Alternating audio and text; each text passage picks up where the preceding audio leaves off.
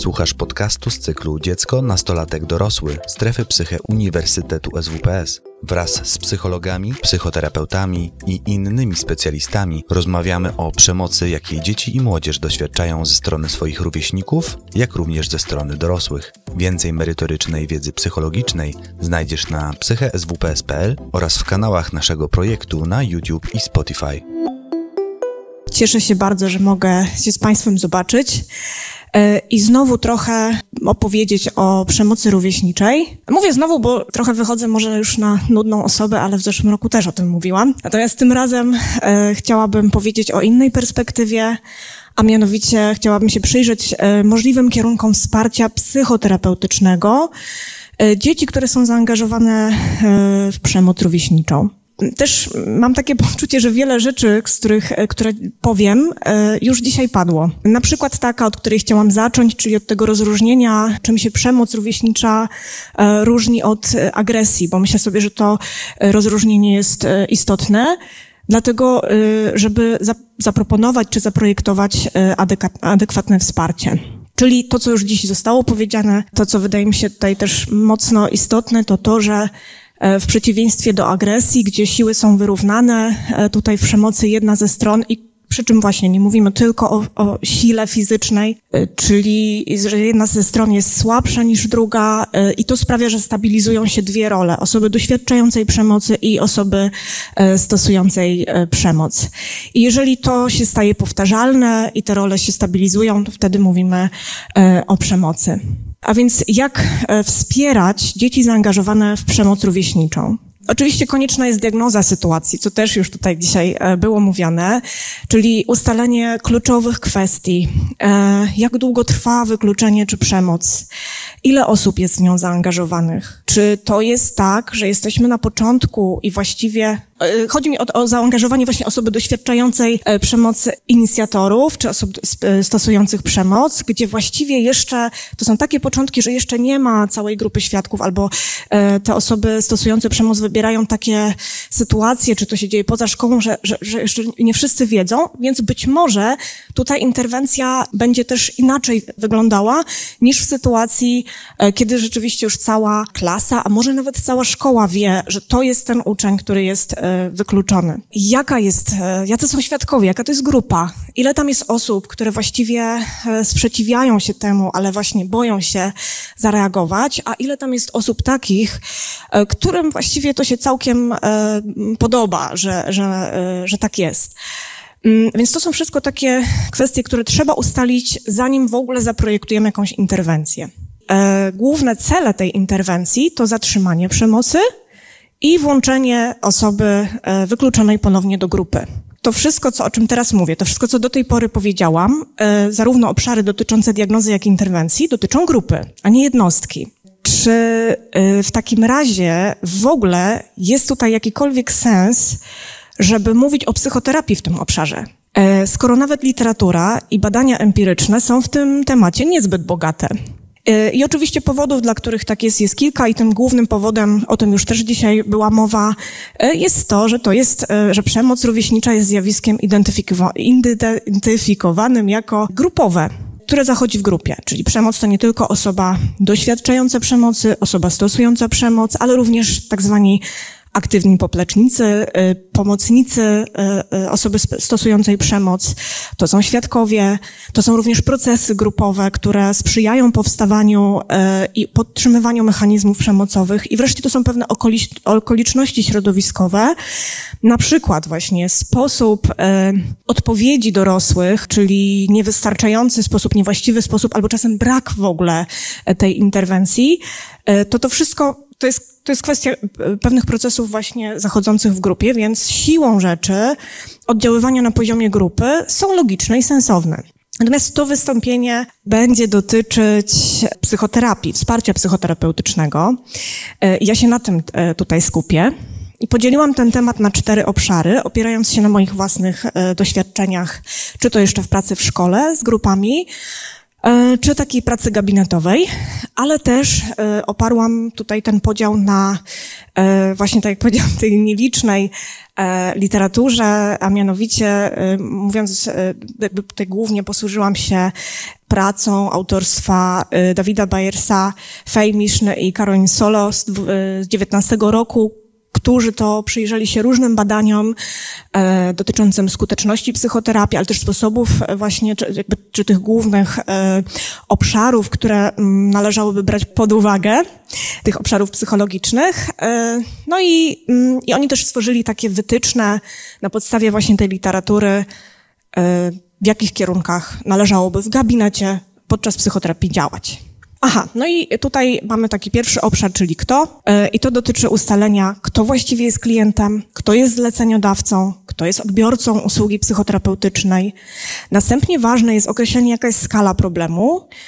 E, czyli jakie, e, co, o czym musimy pomyśleć, co, o, o, czym jako terapeuci e, musimy, e, czego musimy się dowiedzieć w kontakcie właśnie z osobą, która do nas przychodzi, aby ocenić w ogóle w jakim jesteśmy punkcie i jak dalej zaprojektować e, tutaj interwencję w pracy e, takiej indywidualnej.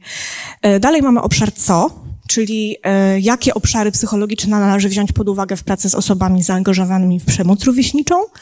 No i wreszcie ostatni obszar, w jaki sposób, czyli jakie możliwe zadania stoją przed psychoterapeutą, w jaki sposób może je realizować, biorąc pod uwagę cel, metodę, ale też rodzaj e, psychoterapii. E, I przejdę teraz do omówienia tych obszarów. E, Pierwsza rzecz to, kto jest zleceniodawcą, czyli kto jest tym pomysłodawcą zgłoszenia się do psychoterapeuty w sprawie przemocy. I chociaż nastolatki coraz częściej same inicjują kontakt z psychoterapeutą, y, albo proszą rodziców, żeby właśnie y, taki kontakt y, z terapeutą nawiązać, to niekoniecznie w kwestii przemocy rówieśniczej. E, częściej ze skutkami tej przemocy, ale też nie w takim powiązaniu z przemocą. Zaraz to jeszcze wyjaśnię. No i to o tym też już dzisiaj była mowa. Właściwie dlaczego tak? Bo dzieci o tym nie mówią, e, bo się wstydzą, e, bo się obawiają, że będzie jeszcze gorzej, mm, bo y, mają obawy, że dorośli nie potraktują tego serio i to myślę najsmutniejsze, może już nabyły przekonania, że to zgłoszenie właściwie nic nie da, bo e, z tą przemocą to trzeba się tutaj pogodzić. E, I zdarza się, że ten temat pojawia się na terapii zupełnie przypadkiem, przy okazji innych tematów i dopiero pogłębiając ten temat, terapeuta odkrywa problem. Częściej to rodzice zgłaszają się w tej sprawie i znów częściej w sprawie dziecka doświadczającego przemocy niż e, stosującego przemoc. I mówię to na podstawie e, właściwie głównie własnego doświadczenia, gdyż ja nie trafiłam na badania, które by e, pokazywały statystyki zgłoszeń na terapię, kto, kto, kto częściej, tak? Więc jakby tutaj się opieram na, tylko na tym moim doświadczeniu. No i teraz chciałabym przejść do samego zlecenia. Czasami zlecenie, czyli to oczekiwanie wobec y, y, terapeuty mm, dotyczące celu, co miałoby się zmienić, ale też jak terapeuta miałby to zrobić, to, to ja to mam na myśli mówiąc zlecenie. E, czasami ono jest po prostu nie do przyjęcia, tak? Jest niemożliwe do, do zrealizowania. Czyli na przykład takie oczekiwanie, pracy z dzieckiem, terapeutycznej pracy z dzieckiem w takim kierunku, żeby się zaadoptowało e, do sytuacji. Zaadaptowało do sytuacji, żeby zaczepki kolegów po prostu już nie były tak e, dotkliwie odbierane. E, albo na przykład, żeby dziecko nauczyło się bronić, żeby było bardziej pewne siebie, żeby było bardziej asertywne. I te trzy ostatnie akurat mają jeszcze sens ale nie, jeśli jednocześnie nic się nie zmieni w tym e, środowisku, w którym ta przemoc zachodzi. E, bo gdyby terapeuta e, przyjął takie zlecenie, to oznaczałoby to po pierwsze, że pokazuje dziecku, że to coś z nim jest nie tak, to ono powinno się zmienić, zwiększyć jakieś kompetencje, ale po drugie, to chyba jest jeszcze gorsze, jeżeli jednocześnie nie wskazuje na konieczność interwencji e, i zatrzymania przemocy w tym środowisku, w którym to się dzieje, czyli najczęściej w szkole, to on tym samym de facto normalizuje przemoc. Czyli znowu jakby przyłącza się do tego całego gremium, które mówi, że no wiadomo, tak to jest no, wśród, e, wśród dzieci. Przemoc po prostu jest, była, była, jest i będzie, tak? E, więc e, takie zlecenie e, jakby jest po prostu nie, zlecenie terapeutyczne, tak, do pracy terapeutycznej jest nie do przyjęcia. Również samo dziecko może formułować nierealistyczne oczekiwania. Na przykład, żeby nic z tym nie robić, żeby nikomu o tym nie mówić.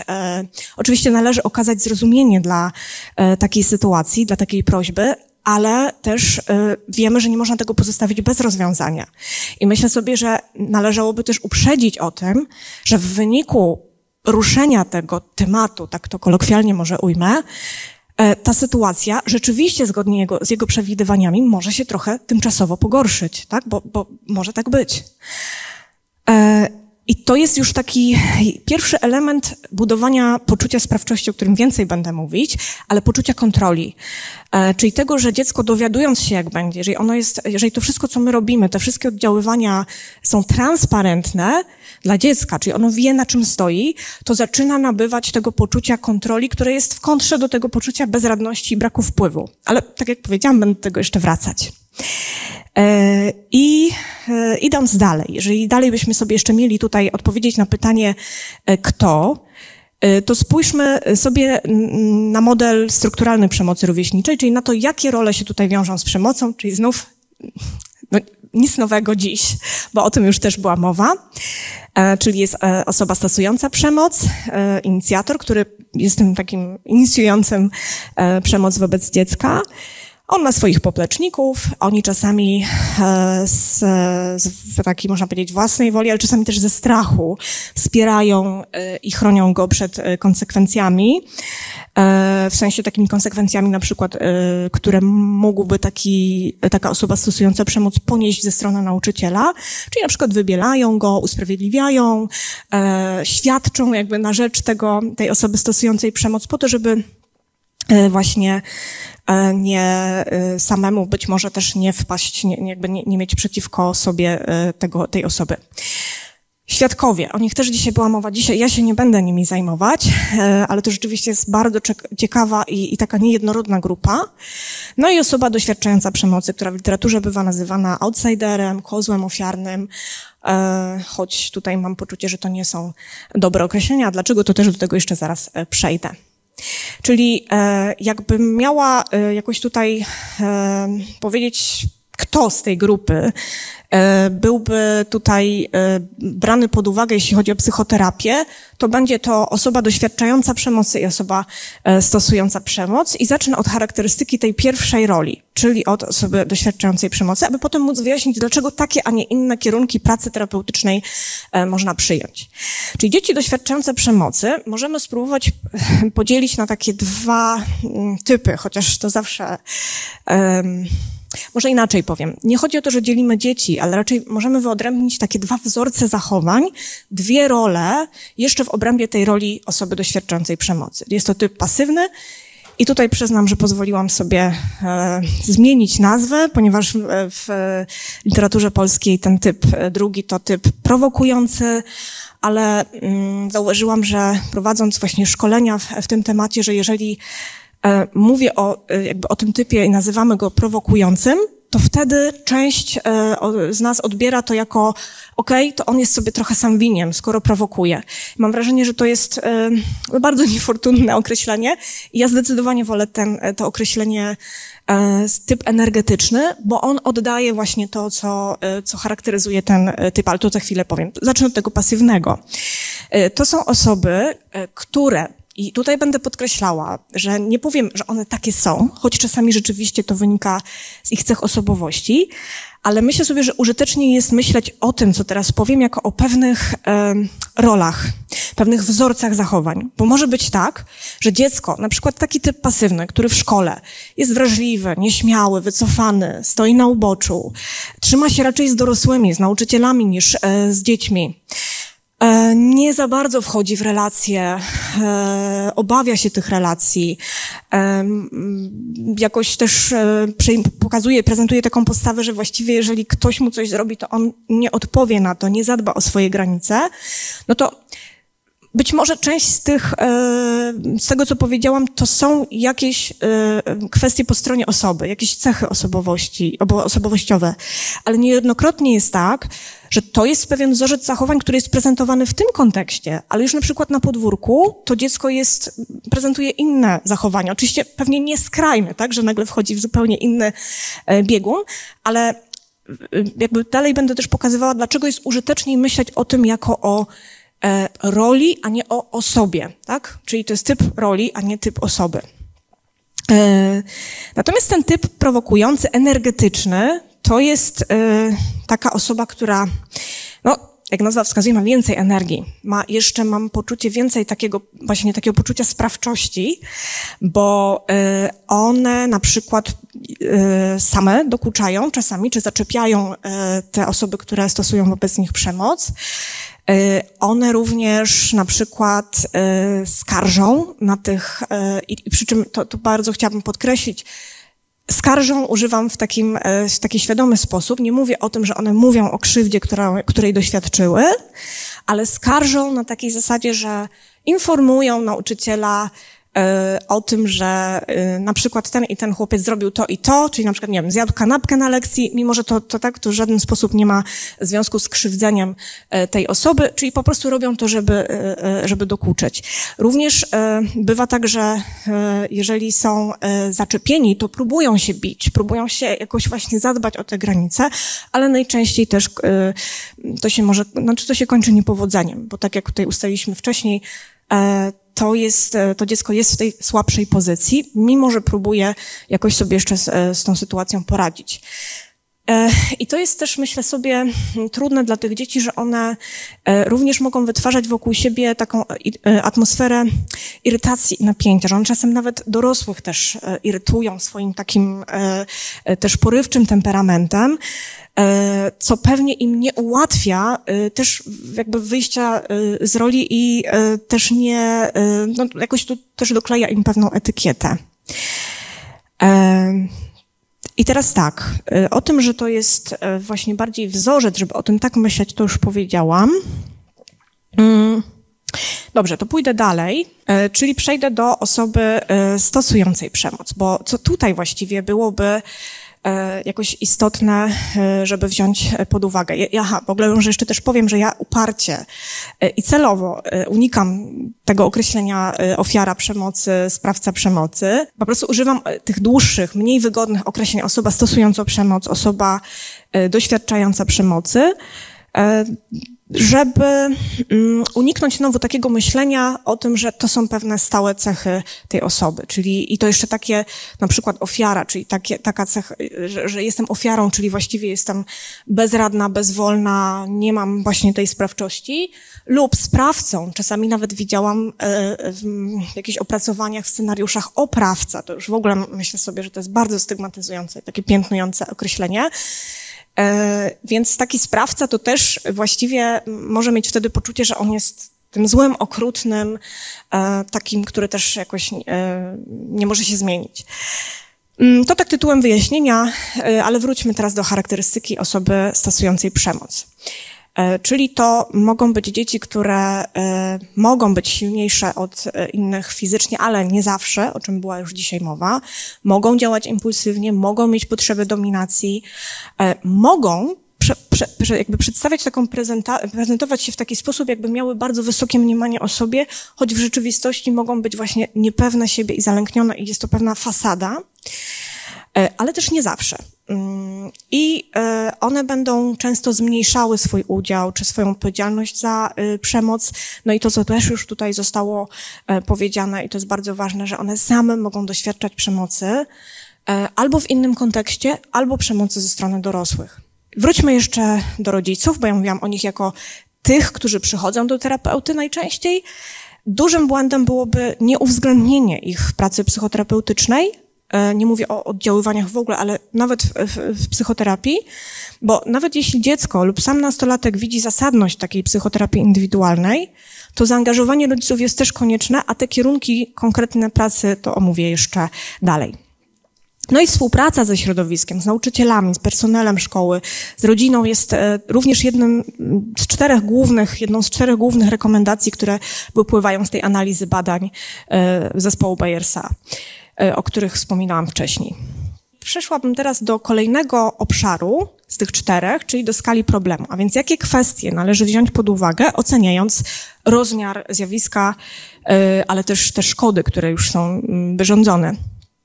I żeby dobrze to opisać, to chciałabym się bardzo króciutko odnieść do mechanizmu powstawania e, przemocy, bo poza pewnymi a, takimi czynnikami ryzyka, czyli tymi cechami osobowościowymi, które mogą y, ułatwiać wejście w poszczególne role, to y, są jeszcze czynniki związane z otoczeniem, z interakcją z innymi, y, które sprzyjają powstawaniu i podtrzymywaniu przemocy, a to jest bardzo ważne znowu z perspektywy gabinetu psychoterapeutycznego, psychoterapii.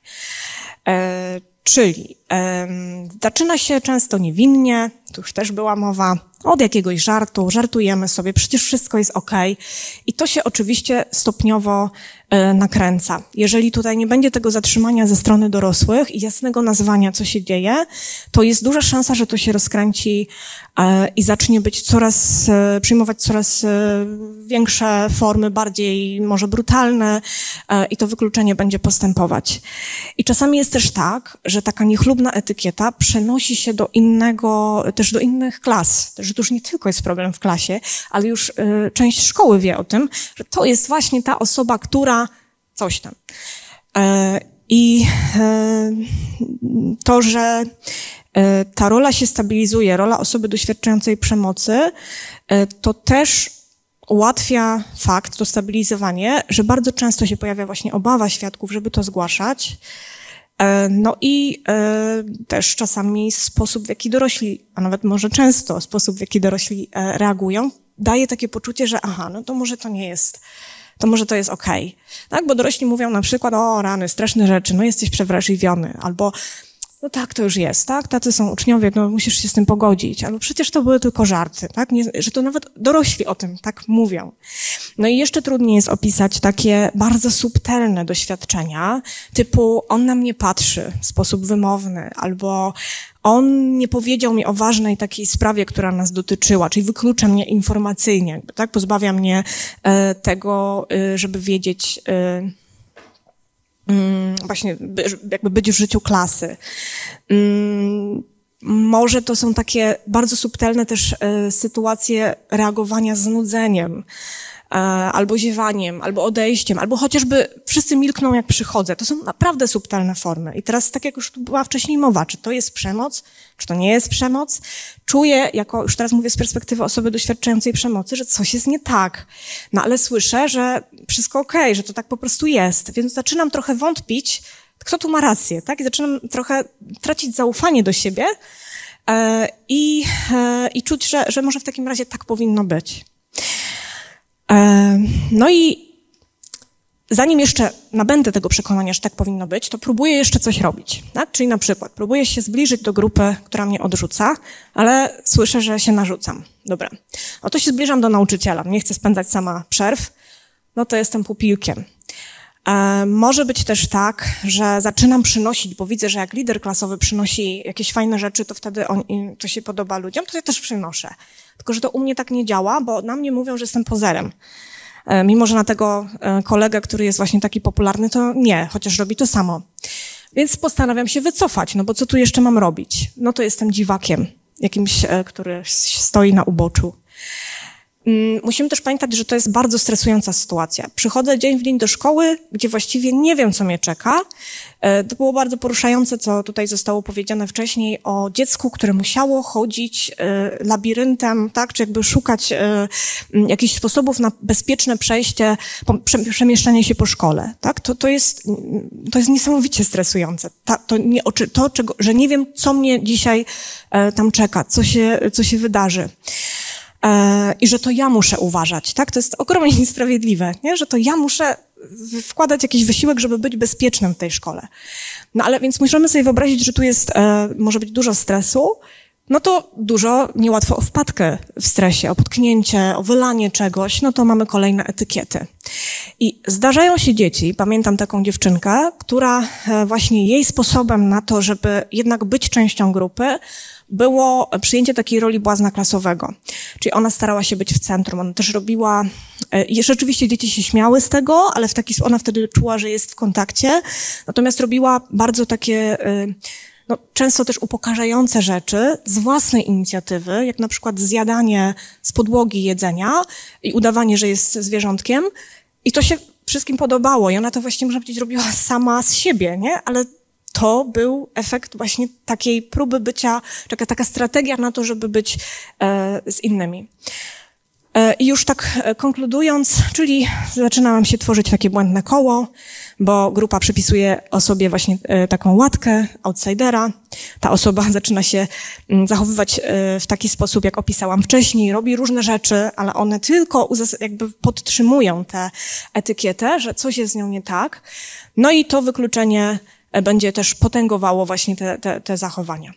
Czasami wyzwolenie się z tej pozycji osoby wykluczonej jest możliwe dopiero wtedy, kiedy dziecko wejdzie w nową grupę. Y, I wcale wtedy to dziecko nie musi okazywać empatii. Ono może wręcz przeciwnie, stać się, być po tej stronie y, osoby, y, znaczy być osobą stosującą przemoc, tylko po to, żeby znowu nie być w tej roli, nie? Żeby, żeby się ochronić przed byciem w, w tej roli osoby stos, doświadczającej przemocy.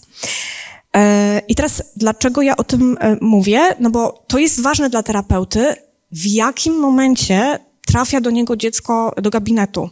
Czy to są te początki, czy to już może jest wieloletnie, wieloletnia przemoc, która trwa i, i być może w takim razie trzeba byłoby się skierować ku e, pracy z traumą, tak? Bo, bo jest to e, wówczas e, doświadczenie, tak? Na, czy, czy możemy mówić wtedy o, o, o traumie chronicznej. E, dobra. Mm. I teraz przejdę już do, do obszaru co, czyli właśnie jakie obszary psychologiczne należy wziąć pod uwagę. E, I konsekwencje doświadczonej przemocy mogą być taką wskazówką, bo oczywiście ja teraz też nie powiem o jakimś takim e, szczegółowym przepisie na to, co. To będzie zależało od, od diagnozy, od, od też konkretnych potrzeb, potrzeb dziecka, e, ale właściwie tutaj już możemy mieć pewne wskazówki, z czym pracować e, terapeutycznie. Czyli jeżeli jest tak, że trafia już do nas dziecko które długo doświadczało tej przemocy rówieśniczej, to być może e, trafia w takim stanie, że ma zaburzenia psychosomatyczne. Może e, właściwie można by też u niego diagnozować depresję, lęk. E, to będzie pewnie dziecko z obniżonym poczuciem własnej wartości, nawet jeśli wyjściowo to poczucie własnej wartości było optymalne, było całkiem okej. Okay. To mogą być niestety dzieci, które mają myśli, bądź już nawet próby samobójcze, które mają negatywny obraz siebie, obraz ciała, o tym też była dzisiaj mowa, mm, które później e, e, mogą mieć tutaj już mowa o relacjach partnerskich, bo to jest taka konsekwencja już długofalowa, ale też mają trudności w relacjach w ogóle społecznych, w relacjach z rówieśnikami, czy właśnie mogą mieć objawy PTSD, czy jakby działają, reagują w taki sposób, jakby e, doświadczyły właśnie traumy. Mm. Jeżeli chodzi o osoby stosujące przemoc, to jeśli ona nie jest zatrzymana, to w literaturze wskazuje się na, na takie e, jakby współwystępujące trudności, jak zażywanie substancji psychoaktywnych, problemy z nauką, e, również depresja i lęk, ale też eskalacja tych zachowań w, przyszło, w przyszłości. I oczywiście, jeżeli osoba jest zarówno w tej, jak i w tej roli, na przykład w różnych kontekstach albo w czasie, no to te problemy, ta, ta jej sytuacja jest jeszcze trudniejsza. E, I e, przyjrzyjmy się teraz jeszcze raz, wróćmy do, e, do tych typów, które określiłam na początku, do tej charakterystyki różnych właśnie typów osób doświadczających przemocy, czy stosującej e, przemoc, e, bo to też nam da wskazówkę do tego, z czym pracować, w jaki sposób e, pracować. Bo jeśli chodzi o kompetencje społeczne, no to ten typ pasywny to raczej będzie potrzebował wsparcia w takich obszarach jak samoocena, sprawczość, to poczucie kontroli, e, asertywność, też zdolności komunikacyjne, czy może też rozumienie sytuacji społecznych, bo musimy pamiętać, że wykluczenie i izolacja nie tylko nie sprzyjają, ale też utrudniają nabywanie kompetencji w tym obszarze. Z kolei, jeżeli chodzi o typ energetyczny, to tutaj przydatne mogą być obszary takie jak samoregulacja emocjonalna, czyli to, jak, jak dziecko może się samoregulować, jak e, hamować impulsy, jeżeli ono jest właśnie tutaj mocno impulsywne to rozróżnianie kwestii, e, skarżenie, a dbanie o siebie i innych, tak? Czyli kiedy, kiedy ja muszę poinformować dorosłego, że coś się dzieje, a kiedy to jest coś takiego, co właściwie e, jest zbędne i niepotrzebne. E, I tutaj też kluczowy jest, e, aha, i jeszcze właśnie jedna rzecz też, jak inaczej mogę wchodzić w relacje z innymi niż poprzez te zaczepki, e, tak, jak, jak mogę się zbliżyć do grupy w inny sposób niż to robię do tej pory. No i tutaj też jest kluczowy obszar samooceny. Mm. Bo nawet jeśli ten typ energetyczny wydaje się być pewny siebie, to jest to wysoce prawdopodobne, że w rzeczywistości ta samoocena jest obniżona. No i też myślę sobie, e, że ciekawe jest to teraz, jeżeli mówimy o osobie stosującej przemoc, bo o niej się, mam wrażenie, mniej mówi. Raczej się mówi o zaopiekowaniu osób doświadczających przemocy, ale przecież też jest właśnie ta osoba stosująca przemoc. Tutaj ważne byłoby skupienie się na powodach i funkcjach osobistych, jakie pełni przemoc. Po co ja to robię? Czy ja chcę podnieść swoją wartość? E, czy boję się być w roli wykluczonego, bo już wcześniej doświadczyłam tej roli i to mnie chroni tak naprawdę przed tą rolą. Czy jedyne, jedynie wtedy mogę myśleć o sobie dobrze, jeśli e, mam władzę nad innymi albo mam przewagę nad innymi? Czy ja po prostu może dzięki temu daję upust swojej złości, bo ja nie potrafię inaczej e, regulować swoich emocji mm, i tak, i tak robię, a może znam to e, niestety e, z własnego doświadczenia, bo u mnie w domu też tak się właśnie reguluje e, emocje e, i moi rodzice na przykład też wobec mnie tak, tak e, postępują, tak? Czyli na przykład ośmieszają mnie, czy, czy, czy wręcz stosują przemoc fizyczną. I może się też okazać, y, że, a, no i y, właśnie, bo też wiele badań y, pokazuje, że wzmacnianie empatii jest tym czynnikiem, który będzie zmniejszał pojawianie się przemocy rówieśniczej. Czyli to jest też taki obszar. Może, znaczy wyobrażam sobie, że i w psychoterapii grupowej, i w różnych psychoedukacyjnych też kawałkach, ale w, na terapii indywidualnej również, jeżeli mamy takiego klienta, to to e, może być takim dobrym obszarem psychologicznym do pracy. No a jeżeli by się okazało, że dziecko stosuje przemoc e, i ono jednocześnie doświadcza tej przemocy ze strony innych, no to to przecież nam otwiera zupełnie nową ścieżkę wsparcia, zupełnie inaczej też będziemy jakby identyfikować potrzebę tego dziecka w zakresie udzielania mu wsparcia. Mm, I tutaj znowu Również w przypadku osoby stosującej przemoc ważna będzie samoocena i poczucie własnej wartości. I właściwie wychodzi na to, że to jest taki czynnik spajający właściwie te wszystkie e, trzy, e, ro, dwie role, ale też te, te wszystkie, też te, te, te, oba te typy mm, w roli osoby stos, doświadczającej przemocy. No bo jeżeli dziecko będzie miało to poczucie, że jest warte ochrony i szacunku, że ono naprawdę będzie miało poczucie, że jest wartościowe, to trudno będzie wejść w tę rolę osoby stosującej przemoc czy doświadczającej przemoc. I teraz dochodzimy do tego ostatniego punktu. W jaki sposób, e, czyli innymi słowy, jakie możliwe zadania stoją przed psychoterapeutą i jak on może je e, realizować. No, to myślę, że to już wyraźnie wybrzmiało dzisiaj, że przemoc rówieśnicza to jest sytuacja, która przekracza możliwości samodzielnego poradzenia sobie przez dziecko. Że ono wymaga interwencji dorosłego, że ono wymaga wkroczenia, ale wkroczenia w takim sensie właśnie yy, no, przede wszystkim nazwania tego, że co to jest, z czym my mamy do czynienia i że to jest coś innego, odróżnienia właśnie przemocy od innych form yy, agresji.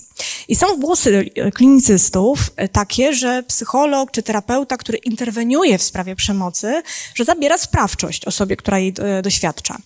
Natomiast trudno się z tym zgodzić w sytuacji, kiedy e, dziecko ma poczucie bezradności, bo to już trwa tyle lat, tak? I cały ten mechanizm, który opisałam, że to, to trwa. E, I ono e, właściwie ma poczucie braku wpływu na sytuację, bo już zrobiło różne rzeczy. Czyli przypominam ten slajd, gdzie robi, robię coś, ale i tak jest źle. Nie? I jakby próbuję różnych rzeczy jest, jest źle. No to, to trudno mi jakby sobie wyobrazić, że że, mm, że nie wspieramy nie? w takiej sytuacji. Więc wsparcie dorosłego nie musi wcale umniejszać sprawczości.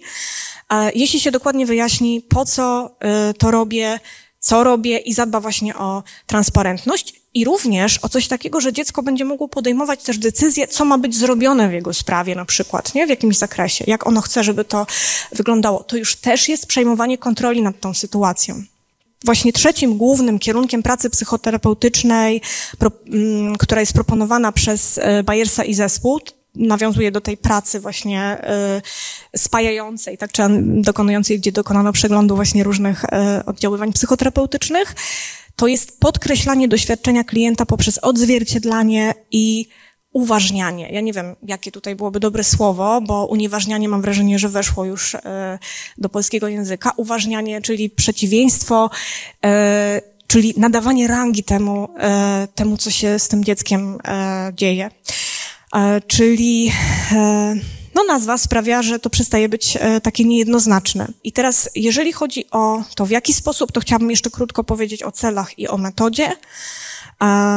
Mm, czyli mm, to wzmacnianie poczucia sprawczości, rozwijanie empatii, zdolności komunikacyjnych, to są też właściwie można powiedzieć, że po dokonaniu przeglądu e, badań e, w tym temacie, to to jest wskazywane w literaturze jako takie główne obszary e, do pracy, ale jeżeli chodzi o cel, cel w psychoterapii, E, to on jest szczególnie ważny przy osobie doświadczającej przemocy. E, to przywrócenie sprawczości, przywracanie zaufania do siebie, koncentracja na zasobach, na mocnych stronach właśnie, nie na tych słabych. E, to jest testowanie z takim małym czy młodym klientem alternatywnych wyjaśnień dotyczących intencji innych, bo jeżeli przemoc trwa długo, to ja już zaczynam ją widzieć nawet wtedy, kiedy jej nie ma. Pamiętam takich właśnie uczniów, którzy reagowali w taki sposób gdy, gdzie nie było już właściwie mm, ze strony e, innych osób w klasie, e, albo one coś mówiły i to w żaden sposób nie było e, nie w porządku, nie było przemocowe, a jednak reakcja była tak jakby już z tej roli znowu, nie? Osoby doświadczającej przemocy. Czyli to pokazywanie na różne intencje, na to, że być może jakieś inne intencje stały za tym, co ktoś powiedział czy zrobił, też mogłoby być tutaj ważne. Ale Przede wszystkim e, myślę sobie, że ważne jest to nadawanie sensu własnym zachowaniom. Te dzieci, jeżeli długo doświadczają przemocy, mają poczucie, że coś jest z nimi nie tak. A więc my e, w terapii normalizujemy e, reakcje tych dzieci i jakby przenosimy nacisk z tego, że to reakcja jest jak najbardziej w porządku na norm, nienormalną sytuację, tak? Czyli na taką sytuację, która jest po prostu, no, y, nie, no to chyba nienormalna będzie dobrym słowem, tak? Czyli ja tak naprawdę, to nie ja zachowuję się dziwnie, ja się zachowuję w odpowiedzi na te dziwne okoliczności, które mi na przykład klasa, tak? Czy, czy, czy to środowisko stworzyło. To jest bardzo odciążające. E, I e, to jest też często już praca tak naprawdę z doświadczeniem traumatycznym i traumą, czyli pokazywanie dziecku, że jego zachowania są sposobem radzenia sobie w tej sytuacji, a nie jakimś dziwactwem, jest znowu przywracaniem poczucia sprawczości, że ja w takim razie coś zrobiłem.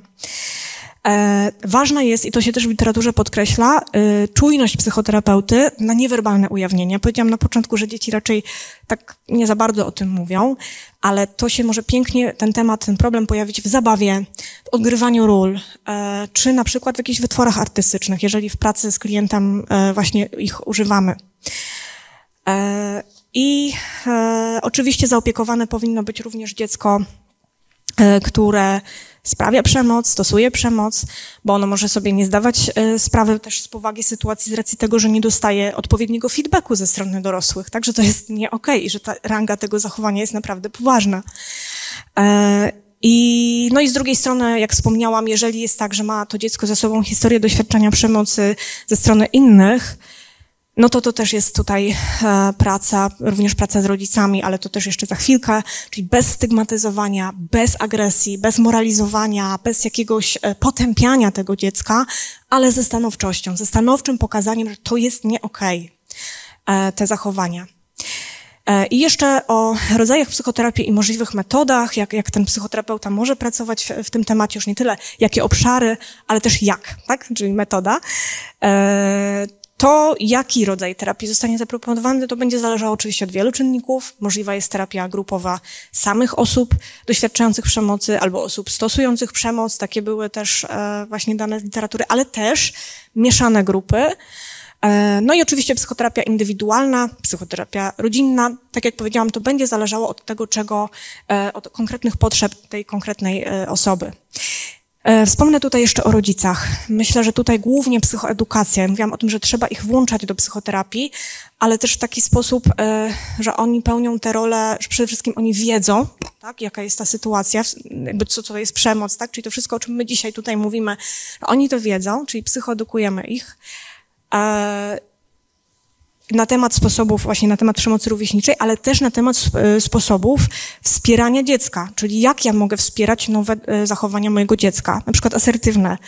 Jak mogę wspierać samoregulację emocjonalną dziecka? Dziecko samo się tego nie nauczy, ono potrzebuje dorosłego jeszcze, żeby to jakby nabyć tych kompetencji.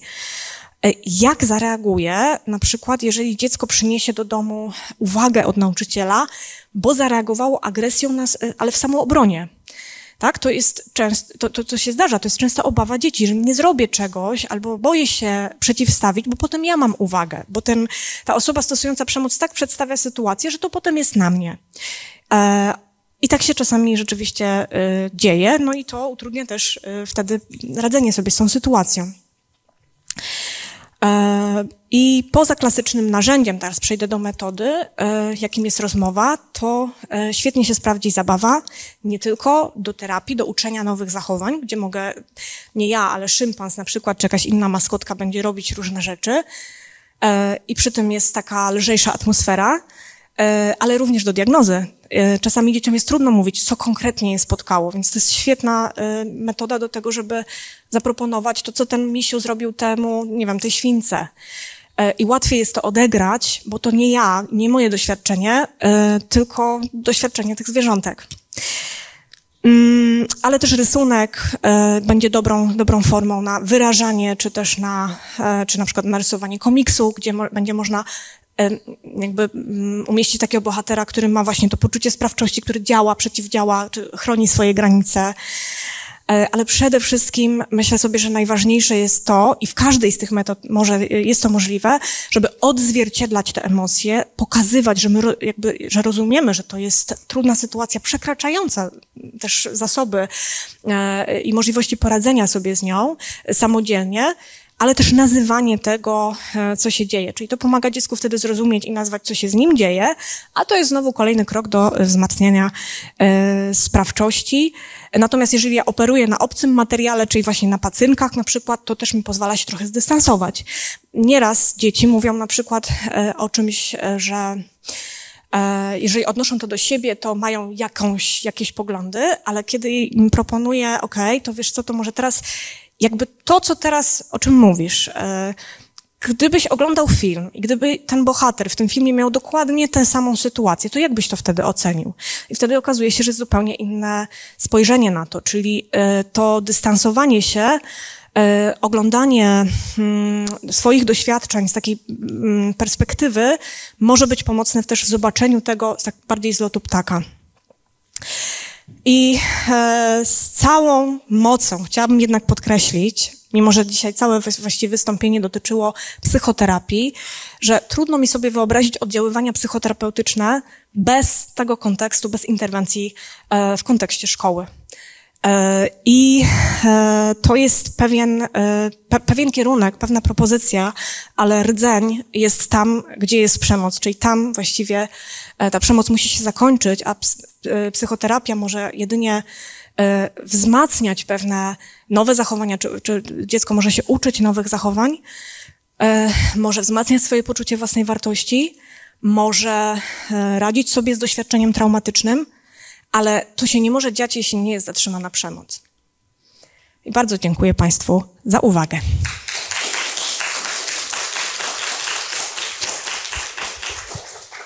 Bardzo dziękujemy Pani doktor.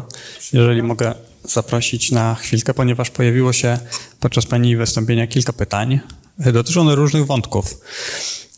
I może chciałbym zacząć od takich pytań, które zadały Pani Karolina i pani Magdalena, to są pytania z, z gruntu praktyczne. Dotyczą one tego, w jaki sposób my możemy zainicjować kontakt z osobą, która doświadcza przemocy, jeżeli jesteśmy świadkami albo podejrzewamy, że coś takiego może się stać, a następnie co możemy zrobić w krótkim czasie, żeby taką osobę w jakiś sposób wesprzeć. To ja zacznę od końca. No już wsparciem będzie znormalizowanie tego, co ona przeżywa, że to jest, tak jak powiedziałam, że to, że na przykład robisz takie rzeczy, e, mówię teraz o, bo rozumiem, że mówimy o osobie doświadczającej przemocy. Możemy od niej zacząć, tak? Y, no to y, jeżeli ten temat już wypłynie, załóżmy, że on już wypłynął, no to, to tak jak powiedziałam, to odzwierciedlanie, słuchanie y, z uwagą tego, co ta osoba mówi, dopytywanie, jakby zebranie tych danych już samo w sobie, to, że ja się zaczynam interesować tym tematem, ja na przykład często to pociągam, jak to przychodzi przypadkiem, jest no, bo oni się ze mnie śmiali Okej, okay, to, y, ale powiedz coś więcej o tym. I zaczynamy to, mm, już samo to, że ja wy, wy, jakby uwypuklam ten temat i zaczynam go e, nawijać na ten, e, tam, nie wiem, motek, e, tę nitkę i, i zaczyna się z tego tworzyć taka większa historia, Mm, to to już pokazuje, że to jest poważna sprawa. E, no i to uważnianie, takie uważnianie, że to i, nazywanie, to jest przemoc. Właściwie to, o czym ty mówisz, to brzmi jak przemoc, no bo rzecz jasna, ja pracuję z pewną perspektywą. Ja nie wiem, jaka jest e, sytuacja w klasie. Pamiętam też takiego e, ucznia, który wydawało się na pierwszy rzut oka, że rzeczywiście doświadcza przemocy, a potem się okazało, e, i tutaj już e, nie będę wchodzić w szczegóły, dlaczego tak było, ale on właśnie miał to, tę taką perspektywę, że wszyscy są przeciwko niemu. E, mimo, że właściwie obiektywne przesłanki wskazywały, że tak nie jest. Nie? Jakby już mówię, nie będę wchodzić może w detale, ale więc ja muszę też pamiętać, że pracuję z perspektywą dziecka, czyli tym, to jest pewna narracja o tym problemie, więc e, ja staram się to nazywać w ten sposób, jeżeli nic więcej nie wiem, właśnie, że to, to brzmi jakby to była przemoc, albo to, co mówisz, to, co opowiadasz, e, to tak nie powinno być. Mhm. I dlatego też taką dużą mocą, jak pojawia się taki zleceniodawca, taki na przykład rodzic, który mówi, ale to ja proszę, niech pani pracuje z dzieckiem, żeby on sobie jakoś radził w tych sytuacjach, E, ale ja nie pójdę do szkoły właśnie, bo nie chcę tutaj robić zamętu, no to, e, mm, to nie mogę tego przyjąć, bo ja w tym samym, tym samym pokazuję temu dziecku właśnie, że aha, no dobra, no to ty musisz teraz, e, no już to mówiłam właściwie, powtarzam się teraz, ale, ale może to jest ważne, żeby to uwy, uwypuklić. Dobra, mogę z tobą pracować. Jeżeli chcesz, możemy e, zobaczyć, jak to jest, jak możesz na przykład bardziej bronić swoich granic, ale ta przemoc się musi zatrzymać. Nie? Tam się musi coś zmienić. Hmm. Dzięki. Ale Czyli... chyba nie odpowiedziałam na część, przepraszam. Nie. Jak? Dobra. Okay. To, to jest chyba to, jak rozumiem, co, o, co, o co tutaj panie pytały. Czyli rozumiem, że musimy pokazać dziecku, że widzimy, co się dzieje, reagujemy na to w sposób wrażliwy, a więc podkreślamy, że to jest istotne dla nas i ważne i że my zrobimy wszystko, co w naszej mocy, żeby w jakiś sposób go, mu pomóc w tej sytuacji, tak? Nie zostawiamy go z tym sami, e, samym. E, czy przemoc rówieśnicza często jest przyczyną pojawiania się dzieci w gabinetach? W pani gabinecie. Jeszcze raz. Czy przemoc rówieśnicza, jakiej doświadcza dziecko albo nastolatek, mhm. jest często przyczyną pojawienia się w gabinecie? Aha, przyczyną. Nie. Rzadko. Raczej, e, znaczy ja też nie prowadzę takich e, statystyk, bo tutaj ten mm. głos e, akademicki okay. mi się odzywa, ok, ale masz jakieś dane statystyczne na poparcie? No nie mam. Mogę jedynie się opierać na, na tym, e, na pamięci swojej i też nie, raczej, raczej tak jak powiedziałam, to jest coś, co przy okazji się pojawia lub zgłasza rodzic, że jest taka sytuacja, ale też często właśnie nie na zasadzie, co ja mogę zrobić z tą sytuacją, jak zadziałać w szkole, tylko jak to zrobić, żeby właśnie coś z tym dzieckiem moim, żeby ono bardziej, nie? Czyli jest ten kierunek do pracy, że mam pracować z tym, który jest tak naprawdę poszkodowany w tej sytuacji. Więc nie, rzadko, a raczej już ze skutkami przemocy, czyli przychodzą e, osoby, które e, dokonują samouszkodzeń, które mają myśli samobójcze, które e, mają poczucie właśnie e, takiej dużej samotności i braku wsparcia społecznego, nie? To, to raczej tak. I mhm. czasami w tle właśnie, czy początkiem bywa przemoc rówieśnicza. Rozumiem. A czy co pani myśli o takiej sytuacji, kiedy efektem interwencji psychoterapeutycznej, czy pedagogicznej, czy interwencji nauczyciela jest zmiana szkoły przez dziecko ofiarę przemocy? Czy to się zdarza i czy to jest jakaś metoda radzenia sobie? Tak, to się zdarza. E, dla mnie to jest, e, i to zawsze była, jak jeszcze pracowałam w szkole, e, takie, miałam takie poczucie, że już naprawdę musi być ostateczność, że zróbmy coś, żeby właśnie nie było tego poczucia, że to dziecko musi zmienić szkołę. Ale czasami taka była decyzja rodziców na przykład, żeby zmienić, a też pamiętam taką jedną sytuację, gdzie właściwie również rodzice i to rodzice w, jakby w klasie, w grupie byli przeciwko temu dziecku. I to była strasznie trudna praca, e, bo, bo już to już była nie tylko praca z grupą, nie? ale też praca z przekonaniami rodziców na temat tego dziecka. Czyli można powiedzieć, że to dziecko doświadczało przemocy również, e, czy bullyingu jakby ze strony rodziców e, dzieci, tak? Że jakby te, te nieprzychylne komentarze na temat e, tego dziecka no, były na pewno słyszane przez dzieci w klasie, więc to w ogóle było bardzo trudne i rzeczywiście to dziecko zmieniło e, szkołę.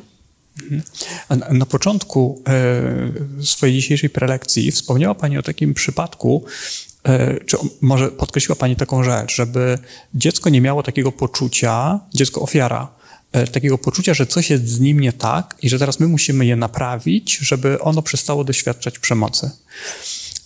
Ale, no i teraz pytanie, czy w procesie psychoterapii na przykład dziecko w jakiś sposób mm, wiem, zyskuje albo może zyskiwać poczucie sprawstwa i samodzielnie wpływać na to swoje środowisko, zmieniając je, czyli jakby mm, przy wsparciu pomocy z tego kręgu przemocy się wydostać. Mhm. Znaczy ja mm, nie wiem, czy aktywnie zmieniać środowisko, czy to, bo tak jak e, już tutaj mówiliśmy o tym, jeżeli to już bardzo długo trwa, to, to samodzielnie to, to dziecko sobie nie poradzi, ale Miałam nawet powiedzieć tę anegdotkę, ale zabrakło jakoś czasu przestrzeni, więc idealnie się składa, to może o tym powiem, że e, pamiętam e, takich rodziców, którzy zgłosili się do gabinetu z takim, takim problemem właściwie swojego dziecka, że ono właściwie ciągle pyta o wszystko, jakby wszystko konsultuje, e, co ma zrobić, nie? czyli jakby co ma powiedzieć do innych dzieci, co ma, jak ma się zachować, że to było bardzo drobiazgowo mm, analizowane i dopiero pod koniec spotkania wyszedł temat, że dziecko zmienia szkoły z powodu przemocy. E, I z powodu tego, że doświadczało w, w tej wcześniejszej szkole właśnie e, no bardzo, no po prostu przemocy rówieśniczej. E, I jak się spotykałam z tym e, chłopcem, to spotykaliśmy się w czasie wakacji. E, on był oczywiście bardzo zaaferowany tym, że idzie do tej nowej szkoły, bardzo się bał, że to się powtórzy, że będzie tak samo. I oczywiście mnie pytał, co ma zrobić, tak? On tutaj przychodzi, że, bo on chce wiedzieć, co ma zrobić, żeby to się nie powtórzyło. I właściwie za każdym razem odbijałam piłeczkę i mówiłam, a co byś chciał zrobić? A jak byś się w tej sytuacji zachował? I on naprawdę wiedział, czego potrzebuje, bo rodzice mieli takie poczucie, że on taki jest niedecyzyjny, że on nie wie, czego chce. On bardzo dobrze wiedział, czego chce, ale on po prostu bał się to wyrazić. I dopiero w tym nowym środowisku, więc tutaj trochę to nie jest ten, ten przykład, bo tutaj było nowe środowisko, ale w tym nowym środowisku ten chłopiec powoli, ale nabrał takiego poczucia, że, że, że ma ten wpływ. E, I t- dokładnie jakby w gabinecie my sobie e, też zrobiliśmy scenariusze e, tego pierwszego dnia w szkole, co on może zrobić, co go może spotkać, że po to, żeby miał właśnie te narzędzia w ręce, że, ale to były przez niego wypracowane. Ja mu nie podsuwałam żadnych pomysłów.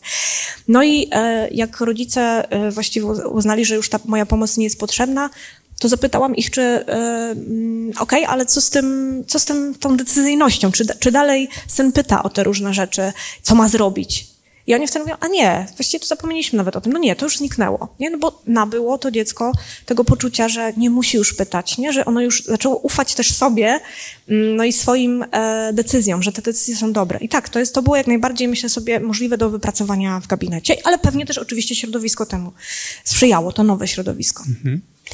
E, teraz zadam takie pytanie, na które pewnie, e, tak podejrzewam, sporo osób czeka.